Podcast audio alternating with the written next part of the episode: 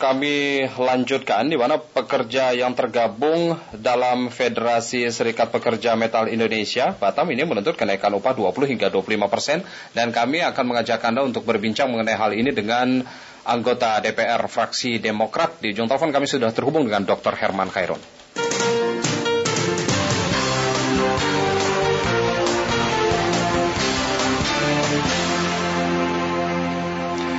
Pak Herman, ini uh, kita ketahui memang untuk Pak Herman uh, komisinya ini kan memang tidak terlalu apa ya spesifik begitu untuk membahas permasalahan buruh begitu tapi kan pastinya selalu turun ke akar rumput begitu. Nah ini tanggapan dari Pak Herman terlebih dahulu bagaimana tentang kenaikan dari upah uh, buruh ini Pak Herman?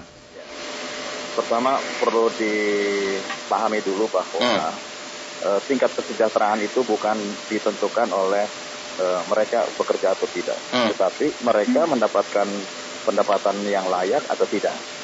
Jadi memang sudah sewajarnya kita memperhitungkan secara pasti berapa sebetulnya upah minimum kota atau upah minimum regional hmm. yang tepat bagi uh, seorang pekerja di dalam uh, kotanya atau di dalam regionalnya. Karena ini juga terkait dengan tingkat kesejahteraannya. Nah, oleh karena itu tentu ini harus ada hitung-hitungan yang tepat. Hmm. Karena bagaimanapun ini juga sangat berpengaruh terhadap uh, perusahaan itu sendiri ya. Hmm. Mungkin perusahaan belum cukup mampu, tetapi upah regional sesuatu yang mendesak atau upah minum kota yang sesuatu yang mendesak untuk segera didapatkan oleh para pekerja. Nah ini juga harus ada komunikasi yang baik antara tripartit gitu ya, antara pekerja, kemudian perusahaan dan pemerintah gitu sehingga hmm. kemudian dihasilkan titik tengah yang tepat perusahaan tidak keberatan dengan uh, memberikan upah terhadap uh, pekerjanya pekerja juga merasa bahwa upahnya dapat mensejahterakan dirinya hmm. dan di sinilah kemudian pertumbuhan ekonomi akan terpicu karena dengan tingkat kesejahteraan yang semakin meningkat, dengan upah yang semakin meningkat, hmm. tentu juga akan meningkatkan kesejahteraannya dan meningkatkan konsumsinya. Pada saat yang sama ini juga akan menjadi pemicu uh, pertumbuhan ekonomi nasional. Baik Pak Herman, kira-kira di tengah tantangan perkembangan global, tentunya dalam perekonomian, selayaknya presentasi kenaikan buruh ini disesuaikan atau seperti apa Pak Herman? Ya, sebaiknya sih ini ada hitung-hitungan yang uh, bertahap gitu ya. Hmm. Artinya bahwa eskalasinya dihitung apakah pada setiap satu tahun, dua tahun, tiga tahun, bahkan sebaiknya bahwa pengaturan ini juga diatur oleh uh, peraturan perundang-undangan. Sehingga kemudian ini menjadi kesesuaian uh, ber, secara bersama ya antara tuntutan pekerja dengan kemudian uh, keberadaan atau eksistensi perusahaan. Hmm dan eksistensi pemerintah di dalam mewujudkan tingkat kesejahteraan masyarakat, kemudian e, menciptakan iklim usaha yang kondusif, dan tentu juga ini dapat menjadi dasar untuk peningkatan pertumbuhan ekonomi nasional. Nah, kalau pertumbuhan ekonomi nasionalnya terus meningkat dan konsumsinya juga akan terus meningkat, demand akan e, meningkat, otomatis supply-nya juga akan meningkat. Nah, iklim iklim perusahaan yang semakin baik, yang semakin sehat juga menurut saya akan sejalan dengan peningkatan uh, upah minimum bagi para pekerja. Contoh Batam lah, Batam dulu itu kan tingkat pertumbuhannya di, di atas rata-rata nasional, bisa 14 persen bahkan pertumbuhannya. Hmm. Kemudian jatuh pada pertumbuhan 2 persen. Nah kalau kemudian ketika jatuh pada kondisi 2 persen pertumbuhan ekonomi Batam, berarti ini juga mempengaruhi tingkat e, sehat atau tidaknya perusahaan yang ada di sana. Nah, otomatis bahwa pada situasi seperti ini kemampuan perusahaan e, sangat rendah gitu. Tetapi hmm. lagi-lagi bahwa e, kalau memang negara kita ingin menciptakan masyarakat yang lebih sehat, yang lebih e, sejahtera, yang hmm. lebih punya masa depan, ya tentu harus ada pengaturan yang tentu ini juga menjadi harapan hmm. bagi semua pekerja yang secara gradual, secara bertahap, eskalasi terhadap peningkatan uh, honornya, gajinya tentu ini juga akan lebih pasti ke depan. Hmm. Jangan sampai hmm. kemudian pada setiap saat para pekerja ini harus turun ke jalan gitu loh untuk okay. menuntut kenaikan UMR-nya. Pada sisi lain juga perusahaan bertahan. Nah ini ini yang harus kemudian diciptakan sebuah kondisi yang seimbang bagaimana negara menjadi uh, penengah. Menjadi regulator yang menciptakan kesejahteraan di tingkat pekerja, okay. pada sisi lain juga menciptakan iklim perusahaan yang lebih baik. Oke, okay. sebelum ini nanti pemerintah uh, periode kedua, jilid kedua begitu untuk Pak Jokowi, uh, kita evaluasi sedikit untuk uh, kinerja di periode yang pertama kemarin pemerintah upayanya untuk melakukan perimbangan tersebut antara uh, tuntutan dari para buruh dengan kemampuan dari perusahaan itu sendiri begitu. Ini Pak Herun melihatnya bagaimana Pak? Ya dengan peningkatan uh, uh, upah yang kemarin peningkatan 80% saya kira ini cukup baik ya. Hmm. Ada perhatian khusus dari pemerintah. Tapi apakah eskalasi ini juga uh, apa sejalan dengan kesesuaian tadi? Dan saya kira negara harus betul-betul memastikan rumusan yang tepat itu aja yang penting. Hmm. Rumusan yang tepat ada kepastian ya, ada hmm. kepastian bagi para pekerja, ada kepastian terhadap perusahaan juga gitu. Hmm. Nah sehingga kemudian ini akan menjadikan uh, sesuatu yang uh, kondusif di antara kedua belah pihak bahkan di antara tripartit. Oleh oleh karena itu saya kira ke depan saya juga coba nanti akan mendorong di DPR bagaimana uh, meminimalisasi terhadap situasi pergerakan buruh yang selalu harus menuntut kesejahteraannya gitu ya. Hmm. Dengan apa? Dengan regulasi yang memberikan kepastian kepada setiap pekerja perusahaan yang tentu dengan hak-haknya ini harus mereka dapatkan. Tapi pada sisi lain juga bagaimana menyeimbangkan kemampuan perusahaan sehingga kemudian tidak merasa keberatan hmm. untuk menaikkan uh, upahnya. Pak singkat saja mungkin eh, ya. secara spesifik begitu untuk hmm. menteri yang bersinggungan begitu dengan kebutuhan ya. para buruh tersebut tuntutan para buruh ini dianggap sukses atau enggak sih kalau yang kemarin begitu Pak? Uh, relatif ya kalau untuk karena ada yeah, ada yeah. Ada plus dan minus ya. Baik. Hmm. Hanif ini ada kawan saya juga, teman saya juga. Dia sudah bekerja okay. keras gitu ya. Mm-hmm. Tetapi tentu kelemahan itu ada dan inilah kelemahan yang nanti di periode kedua Pak Jokowi tentu harus diisi mm. dengan beberapa regulasi dan kebijakan yang uh, bisa memberikan dua iklim yang kondusif antara uh, buruh dan Oke. Okay. Mm-hmm. Okay. Baik. Dan mungkin Bapak untuk secara keseluruhan mungkin dari evaluasinya untuk ke depannya mungkin Pak Herman?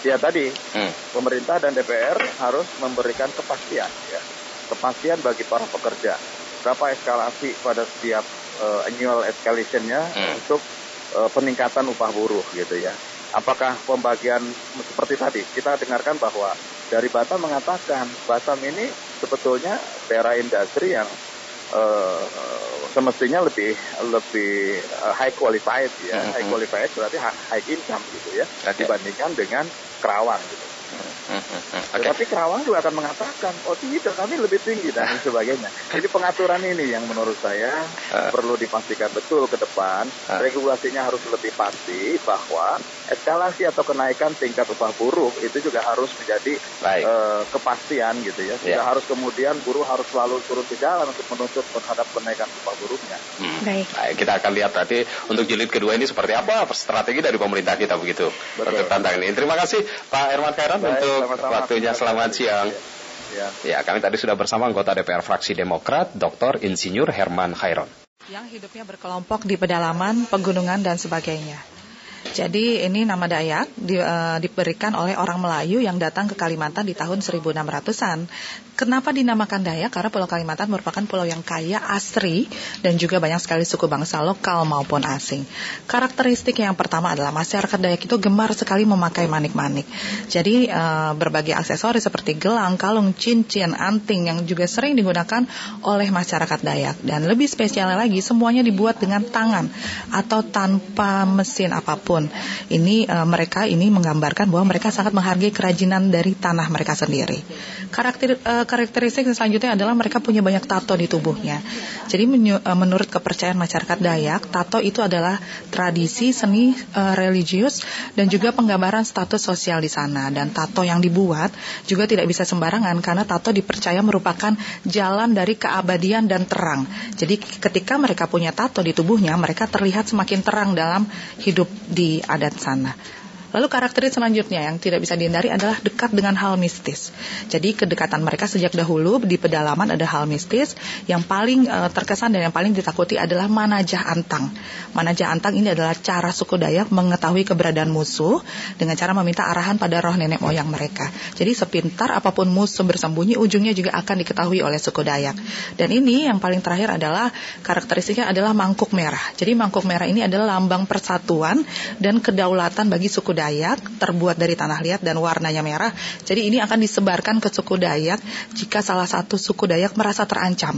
Biasanya menyebar mangkuk merah yang menyebar adalah sang pemimpin yang juga dipilih oleh adat tersebut dan ini biasanya melindungi sesamanya dengan baik.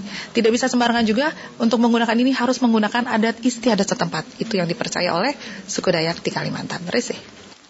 Iya, terima kasih Wirda. Ini menarik sekali ya. Banyak hal-hal baru yang kita ketahui mengenai adat istiadat dari masyarakat Dayak. Nah, bagaimanakah masyarakat di Kalimantan bisa mempersiapkan diri? Kalau tadi sempat berbincang juga dengan sosiolog dari Universitas Palangkaraya, masyarakat diminta harus mau nggak mau, harus siap untuk menerima sebagai ibu kota baru dan juga pendatang yang makin hari mungkin jumlahnya akan bertambah untuk menghindari konflik-konflik horizontal yang mungkin saja terjadi. Kami sudah bersama dengan Dewan Nasional Aliansi Masyarakat Adat dari Kalimantan, Bapak Abdon Nababan.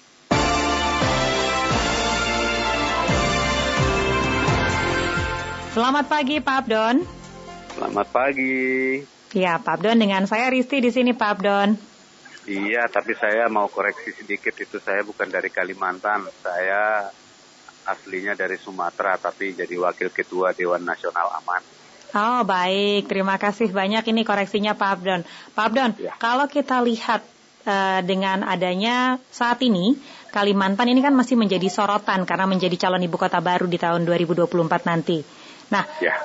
secara otomatis masyarakat di sana akan kedatangan banyak masyarakat baru atau pendatang-pendatang baru.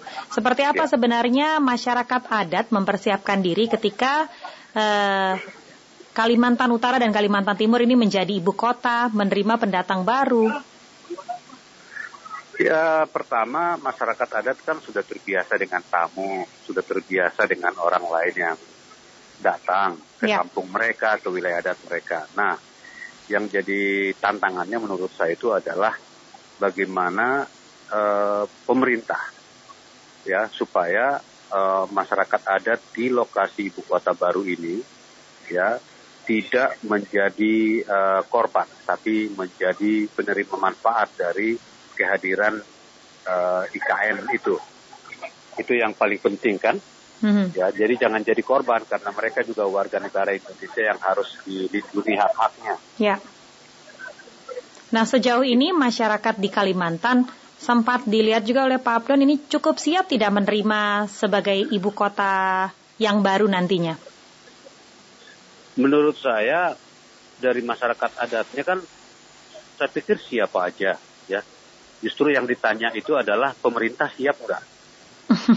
Jadi saya justru melihatnya pemerintahnya siap karena kan begini. Ya. Uh, kan secara secara jelas di konstitusi kita Undang-Undang Dasar 1945 itu negara mengakui dan menghormati kesatuan masyarakat hukum adat. Ya. Pertanyaannya siap nggak pemerintah ya melaksanakan uh, perintah konstitusi itu? Ya. Jadi jangan dibalik, jangan seolah-olah masyarakat adatnya yang tidak siap. Hmm. Kenapa Justru, bisa dinyatakan pemerintah yang harus siap? Apakah selama ini pemerintah tidak pernah siap menerima situasi ini atau bagaimana Pak? Belum, justru pemerintah yang belum. Karena uh, amanat konstitusi pasal 18B ayat 2 dan 28I ayat 3 itu sampai hari ini kan tidak ada pengaturan nasionalnya secara uh, jelas. Undang-undang masyarakat adat kan belum ada. Ya. Hmm. Ya. Jadi justru menurut saya ketidaksiapannya itu justru di pemerintah dan di DPR RI. Ya. Jadi pengaturan ini, kepastian hak masyarakat adat ini kan kewajiban negara untuk melaksanakannya. Nah, apakah ini akan dilaksanakan sebelum konstruksi dimulai di, di lokasi IKN yang baru atau tidak sama sekali? Kan ini masalahnya. Hmm. Nah, tapi kalau undang-undang itu, itu, itu perintah konstitusi loh. Ya. Nah, lalu kalau misalnya undang-undang masyarakat adat tidak ada, apakah berarti akan ada uh, aturan ataupun juga akan ada hal-hal yang bersifatnya nanti uh, tumpang tindih begitu di masyarakat? Sangat, jadinya begitu, sudah pasti itu. Hmm. Atas dasar apa uh, secara hukum masyarakat adat bisa terlindungi hak-haknya ketika ibu kota negara pindah kalau tidak ada produk hukum yang berlaku resmi. Baik. Pak Abdon, kalau kita amati, tidak hanya kita bicara mengenai Kalimantan, tapi juga eh, provinsi-provinsi lainnya. Ketika terjadi konflik di daerah, penyelesaian yang banyak dilakukan adalah diserahkan kepada aparat keamanan yang ada. Nah, sebenarnya bagaimana Pak Abdon melihat, apakah memang eh, Dewan Adat Nasional dalam hal ini dilibatkan atau tidak? Sejauh ini belum, ya.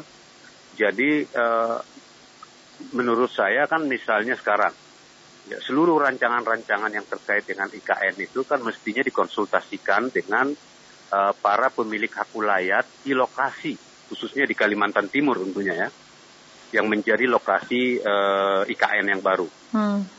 Ya, jadi uh, itu yang pertama, ya. ya dikonsultasikan. Yang kedua, pemerintah tadi harus segera melakukan ini identifikasi, inventarisasi dan pemetaan keberadaan masyarakat adat dan wilayah dan wilayah-wilayah adatnya supaya tahu nanti pemerintah ini atau badan yang dibentuk khusus untuk menyiapkan uh, pemindahan ibu kota ini berkonsultasi dan harus dapat persetujuan dari masyarakat adat mana saja. Ya. Jangan sampai pemerintah nanti malah berkonsultasi dengan Eh, orang-orang uh, yang sebenarnya tidak ada urusannya dengan hak adat di lokasi ibu kota itu.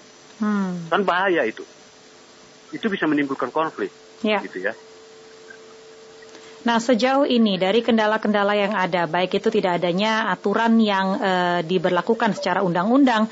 Nah, kendala apa lagi yang sering terjadi di masyarakat sehingga akhirnya menimbulkan pergeseran atau konflik-konflik? Ya, yang kedua itu tadi ya, jadi it, itu ada soal so, soal hak atas tanah ya yang harus dibereskan ya. ya. Yang kedua adalah membangun satu uh, forum dialog antara eh, suku-suku yang ada di lokasi. Jadi kan yang yang ada di lokasi ini nanti kan pasti ada orang Dayak, ada hmm. orang uh, Banjar, ada orang Bugis, ada orang uh, Toraja mungkin, ada orang Batak, macam-macam Jawa, apalagi banyak kan gitu. Ya. Ya mereka ini sejak awal memang harus ada wadahnya untuk membahas yang terkait dengan bagaimana posisi uh, pergaulan lintas suku ini nanti uh, ketika uh, ibu kota baru pindah. Nah, menurut saya ini harus segera menjadi uh, per, uh, mendapat prioritas dari pemerintah.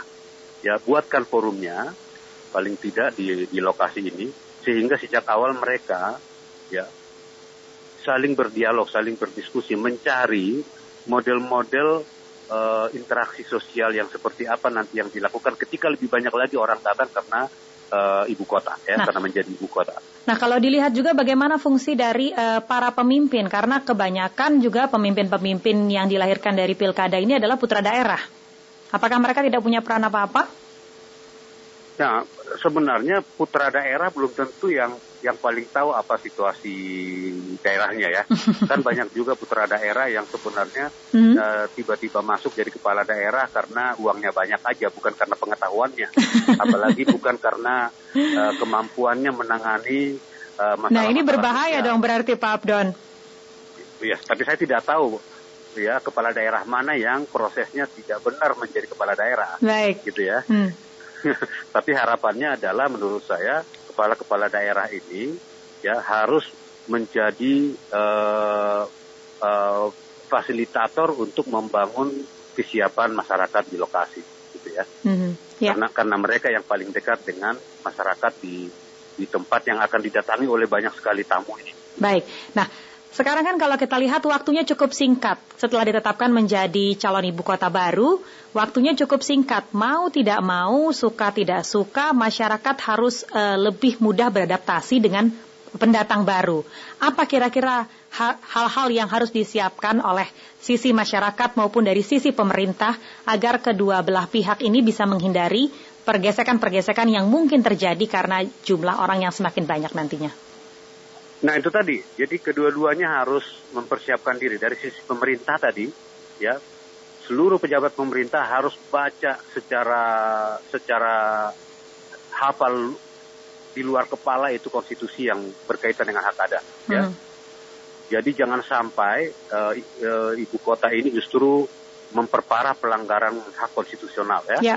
Ya, yang kedua, ya instrumen-instrumen yang harus disiapkan tadi, ya peraturan-peraturan ya pemetaan ya. Di mana wilayah adat di mana uh, yang bukan masyarakat adat bagaimana interaksi mereka. Itu Pak itu pemerintah harus segera itu. Kalau mau ini uh, tidak menjadi bom waktu ya ke, ke depan ya.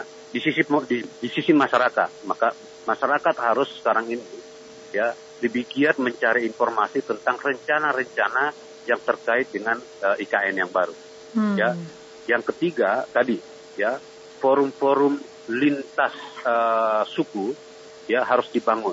Harus Sehingga, dilibatkan ya, termasuk Dewan Nasional begitu ya? ya, saya, saya pikir yang utama adalah yang di lokasi, Baik. milik hak wilayah ya. Hmm. Jadi eh, orang-orang uh, seperti kami yang jauh-jauh ini, walaupun pengurus adat, tapi kan tanah wilayah kami bukan di sana. Kami hanya organisasi yang membantu memperjuangkan dan me memfasilitasi supaya hak-hak mereka tidak di tidak di, dirampas atau tidak di di apa namanya diabaikan begitu saja itu tugas kami tapi yang harus menjadi bagian dari proses ini adalah masyarakat adat pemilik wilayah adat. Baik Pak Abdon, terima kasih sudah bersama kami pagi hari ini. Kita harapkan semoga semua pihak bisa bersinergi dengan baik untuk ke depannya. Terima kasih sekali lagi, selamat pagi Pak Abdon. Selamat pagi. Demikian tadi perbincangan kami dengan Dewan Nasional Aliansi Masyarakat Adat Abdon Nababan.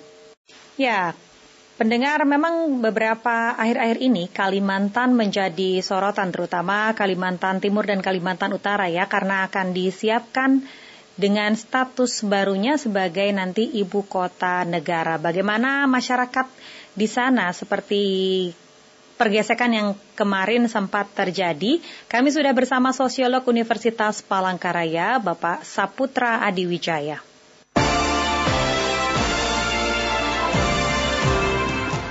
Pak Saputra, selamat pagi. Ya, selamat pagi Mbak. Pak Saputra ini asli putra daerah dari Kalimantan? Iya, saya Dayak Ngaju dari Kalimantan Tengah. Baik. Asli putra Kalimantan. Putra asli dari Kalimantan ya. Ketika ya. melihat kemarin ada pergesekan yang terjadi, memang saat ini Kalimantan sering sekali menjadi sorotan. Nah, seperti apa Pak tanggapannya? Uh, kalau saya melihat bahwa uh, pemindahan ibu kota itu ya luar biasa ya aduh apa seksi banget cuman kita di Kalimantan Tengah pernah terjadi kerusuhan etnis ya mm-hmm. antara Dayak dan ya? Madura ya mm. kemudian di beberapa bagian di Kalimantan Timur juga tidak hanya pada saat yang baru-baru kemarin beberapa waktu yang dulu, dulu juga pernah terjadi nah sebenarnya kalau saya lihat bahwa uh, pergesekan antar etnis itu luar biasa ya terutama tentang masalah ekonomi terutama. Cuma kalau saya melihat lebih ke arah bahwa uh, orang-orang lokal sebenarnya harus punya karya dan prestasi hmm. untuk meningkatkan daya saing. Yeah. Kadang-kadang memang ya itu yang membuat ketika putra daerah uh, tidak bisa meningkatkan daya saingnya, sehingga ketika ada pendatang yang berdomisili di tempat itu dan mempunyai karya dan prestasi mungkin lebih ulet, lebih apa ya lebih berhasil begitu ya? lebih, ya? Ya berhasil itu kadang menimbulkan konflik. Nah hmm. itu yang yang mungkin menjadi potensi-potensi konflik sehingga mengedepankan etnis bahwa saya orang lokal, saya orang lokal yang sebenarnya uh, kurang baik sebenarnya untuk masa yang akan datang ketika zaman ini tambah maju kan daya saing tuh yang punya yeah. prestasi, yeah. yang punya karya itu yang sebenarnya lebih diperhatikan dibandingkan rasa etnisitas. Nah, kalau dari yang dilihat oleh Pak Saputra, seperti apa kecemburuan-kecemburuan sosial kalau tadi dasarnya ya, ini bisa mengakibatkan uh, pergeseran atau pergesekan dan akhirnya menjadi konflik di tubuh masyarakat? Saya melihat bahwa uh, faktor ekonomi itu berperan penting mm -hmm. dalam konteks bahwa lahan-lahan uh, penguasaan-penguasaan lahan yang sifatnya mungkin oleh orang lokal sebenarnya dulunya tidak terpikirkan kemudian yeah. bisa diolah oleh pendatang.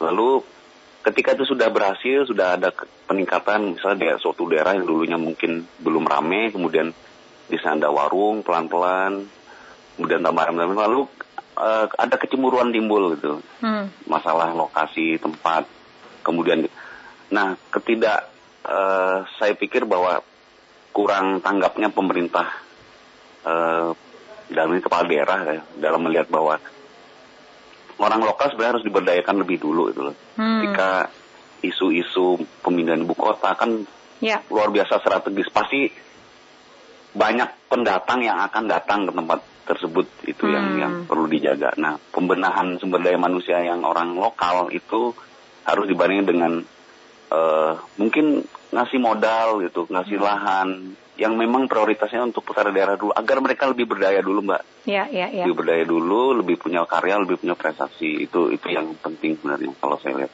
Baik, nah ini berkaitan dengan kesiapan. Pendekatan-pendekatan seperti apa yang harusnya dilakukan oleh pemerintah setempat dalam tadi membina SDM? Kalau saya melihat bahwa uh, orang lokal harus di, diutamakan karena dia tuan Apa rumah. selama ini belum peng, ada pengutamaan? Uh, selama ini ada yang diabaikan sepertinya gitu kan. Ketika uh, pemerintah daerah itu abai terhadap orang lokal, kemudian fungsi-fungsi adat dan kelembagaan itu seperti seperti mungkin tidak uh, sepenuhnya bisa mengakses dalam hal konteks kekuasaan. Akhirnya masyarakat yang bawah, -hmm. yang orang lokal itu seperti terbatas aksesnya gitu. Nah, kenapa ini bisa terjadi? Karena kalau kita ingat juga sekarang ini kalau dari proses pilkada ini haruslah putra daerah. Harusnya kan sebagai anak daerah yang memimpin bisa lebih membesarkan uh, punya rasa, punya rasa, ya punya rasa yang lebih dalam untuk bisa membesarkan daerahnya sendiri begitu. Uh, tarik menarik kalau dikaitkan dengan politik ya pasti akan lebih luas ya jangkauannya. Hmm. Nah hanya saja saya melihat bahwa uh, ada kemauan lah, ada kemauan dari calon-calon ketika kita ngomong politik. Ya. Dan ada ketegasan dari warga bahwa ketika dia tidak bisa memperjuangkan warga lokal, ya sudah jangan dipilih saja itu. Mm.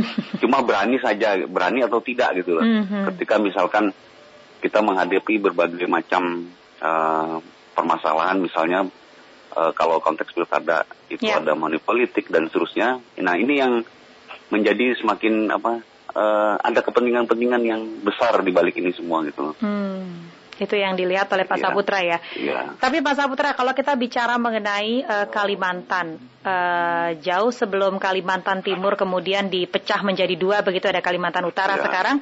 Nah, di masa Orde Baru, Kalimantan ini kan banyak sekali menjadi tempat atau ladang transmigran. Iya, betul. Nah, harusnya masyarakat di sana sudah terbiasa dong dengan kehadiran pendatang. Kalau Iya, ya sebenarnya ha harus bisa ya, harus bisa ketika ada pembauran, hmm. pembauran dan juga ada uh, bersinggungan dengan warga-warga lokal. Ya. Tapi kemudian ketika pendatang juga semakin banyak, kemudian penduduk lokal juga tidak dibarengi dengan uh, misalnya dengan uh, uh, sumber daya yang handal dan baik ya. Akhirnya ini ke etos kerja dan keuletan itu yang akhirnya berpengaruh. Nah, tambah juga kalau kasus di Kalimantan Tengah itu uh, orang Jawa itu sudah berhasil kalau saya lihat secara migrasi kalau khusus untuk kasus Kalteng ya. Hmm. Nah itu menjadi patokan bahwa ketika ada pilkada biasanya itu yang dulu pernah zamannya Pak Teras Marang itu wakilnya dari Jawa itu dua periode. Jadi diikutkanlah sebenarnya penduduk yang dari transmigrasi itu diikutkan punya peran juga tapi yang juga memang berciri khas atau punya kepedulian dengan orang lokal gitu loh. Hmm. Nah ini hmm. deal-dealnya seperti ini yang yang yang sebenarnya bisa dilakukan dengan dengan peran-peran lembaga-lembaga adat di sana gitu loh. Tapi kan tidak salah juga untuk bisa menghadirkan masa uh, pemimpin lokal dan uh, dikombinasikan dengan pemimpin yang adalah dalam notabene pendatang begitu. Iya bisa saja kalau di Kalteng itu sudah contoh mbak ada banyak ada contoh dari zaman gubernur sebelum Pak Sugianto itu yeah. partai Larang wakilnya kemudian wali kotanya kota Palangkaraya itu juga wakilnya orang Jawa. Mm -hmm. Itu ya sampai sekarang konflik-konflik yang antar dengan pendatang dalam tanda petik itu yang memang orang Jawa sudah lama bermukim di Kalteng itu tidak masalah. Hmm. Nah harusnya ada ada sebuah lembaga atau ada sebuah uh, kekuatan lain gitu yang bisa mengawasi ini semua, misalkan dengan konteks adat ya, ya. yang bisa mengontrol orang-orang yang nantinya duduk di pemerintahan agar bisa konflik ini diredam gitu. Jadi ketika ada potensi konflik itu diredam oleh oleh lembaga adat karena adat ini uh, masih kuat gitu loh, masih punya peran, punya punya fungsi di Kalimantan. Nah itu bagaimana nih fungsi lembaga-lembaga adat, kemudian tokoh-tokoh agama, seperti apa uh, komunikasi dan soliditasnya? Saya melihat bahwa uh, ketika sebuah lembaga adat sudah bercampur dengan uh, politik itu kadang-kadang bisa mengaburkan sebuah uh, tujuan untuk me, misalnya mensejahterakan orang lokal. Ya.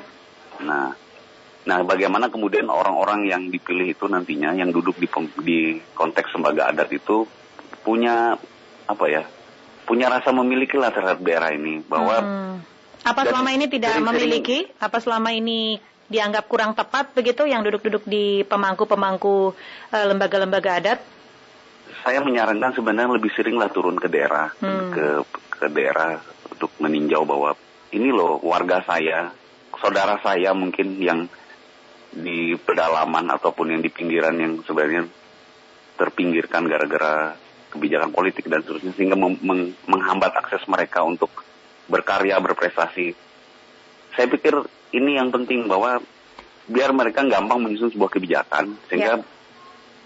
ke depan itu saya tetap berpe berpegang bahwa orang lokal itu harus memang diberdayakan dan diberi sebuah ruang agar mereka bisa berprestasi, berkarya dengan daya saing yang betul-betul memang uh, fair gitu loh, bukan selalu mengutamakan etnisnya. Hmm. Nah, mungkin juga bisa disampaikan atau diceritakan karena kan sekarang sorotan Indonesia ke Kalimantan ini cukup besar. Secara demografi begitu ya, aktivitas ataupun juga eh, kegiatan dari masyarakat di Kalimantan secara mayoritas ini seperti apa, Pak Saputra? Kalau kita melihat eh, Kalimantan ini kan bisa lihat sebenarnya dari potensi uh, yang ada di Kalimantan Tengah. Kalau misalkan kita melihat di daerah Banjarmasin itu banyak pedagang, kemudian di Kalimantan Tengah banyak pegawai negeri di kotanya ya. Kemudian di Kalimantan Timur banyak tambang dan hutan. Jadi uh, secara demografi itu bahwa penduduk-penduduk yang lokal ini itu pasti lebih masih banyak yang mengedepankan untuk mengandalkan alam. Gitu. Hmm. Nah, ketika kebijakan misalkan uh, sudah kayu sudah mau habis, kemudian pertambangan juga pertambangan tradisional maksud saya itu sudah semakin menipis lahannya, maka beralihnya kemudian ke mata pencaharian lain. Nah, sebenarnya itu kan bisa diprediksi pola-pola seperti itu. Nah, ini yang sebenarnya belum siap ditanggapi oleh oleh para pemangku kepentingan atau juga kepala daerah bahwa setelah ini apa setelah ini terutama untuk orang lokal. Nah, misalnya ini ketika sudah habis lahan pertambangan, kemudian belum ada pencarian, kemudian berpindah ke pertanian atau perkebunan, tidak berarti kan lahan saja yang disiapkan. Ya. Lahan disiapkan, kemudian bagaimana kemudian diberdayakan dibantu dengan pupuk hmm. atau bibit. Diberi modal Jadi, juga begitu iya, ya? modal ya. Jadi perpindahan itu tidak tidak bergesek yang apa uh, menimbulkan konflik itu bisa diredam. Tapi kalau misalkan sudah pertambangannya habis, ya. kemudian lahan tidak disediakan, kemudian juga tidak dibantu, lalu timbullah kecemburuan itu pasti akan menunggu saja pecahnya itu. Baik. Nah, kalau tadi kita lihat bahwa kita sama-sama sepakat ini adalah faktor ekonomi yang cukup besar menimbulkan pergesekan di masyarakat. Tapi kalau kalau kita mengingat bahwa sekarang adalah waktunya masyarakat di Kalimantan untuk bersiap-siap menjadi uh, ibu kota. Berarti kan waktunya sangat pendek. Apa pendek. yang harus dilakukan oleh pemerintah setempat, pemangku-pemangku adat, kemudian juga eh, pemimpin-pemimpin lokal dan juga tokoh-tokoh agama di sana? Kalau saya melihat uh, bahwa ada ada perlu uh, penguatan daya saing bagi warga lokal, misalkan dengan pelatihan, kemudian me, me, membuat sebuah apa ya, sebuah gerakan bahwa toleransi itu penting. Ini loh Indonesia, kemudian uh, dan juga harus memang tegas bahwa keberpihakan yang paling utama itu sebenarnya dari pemerintah daerah pada orang lokal dulu untuk tahap-tahap awal. Hmm.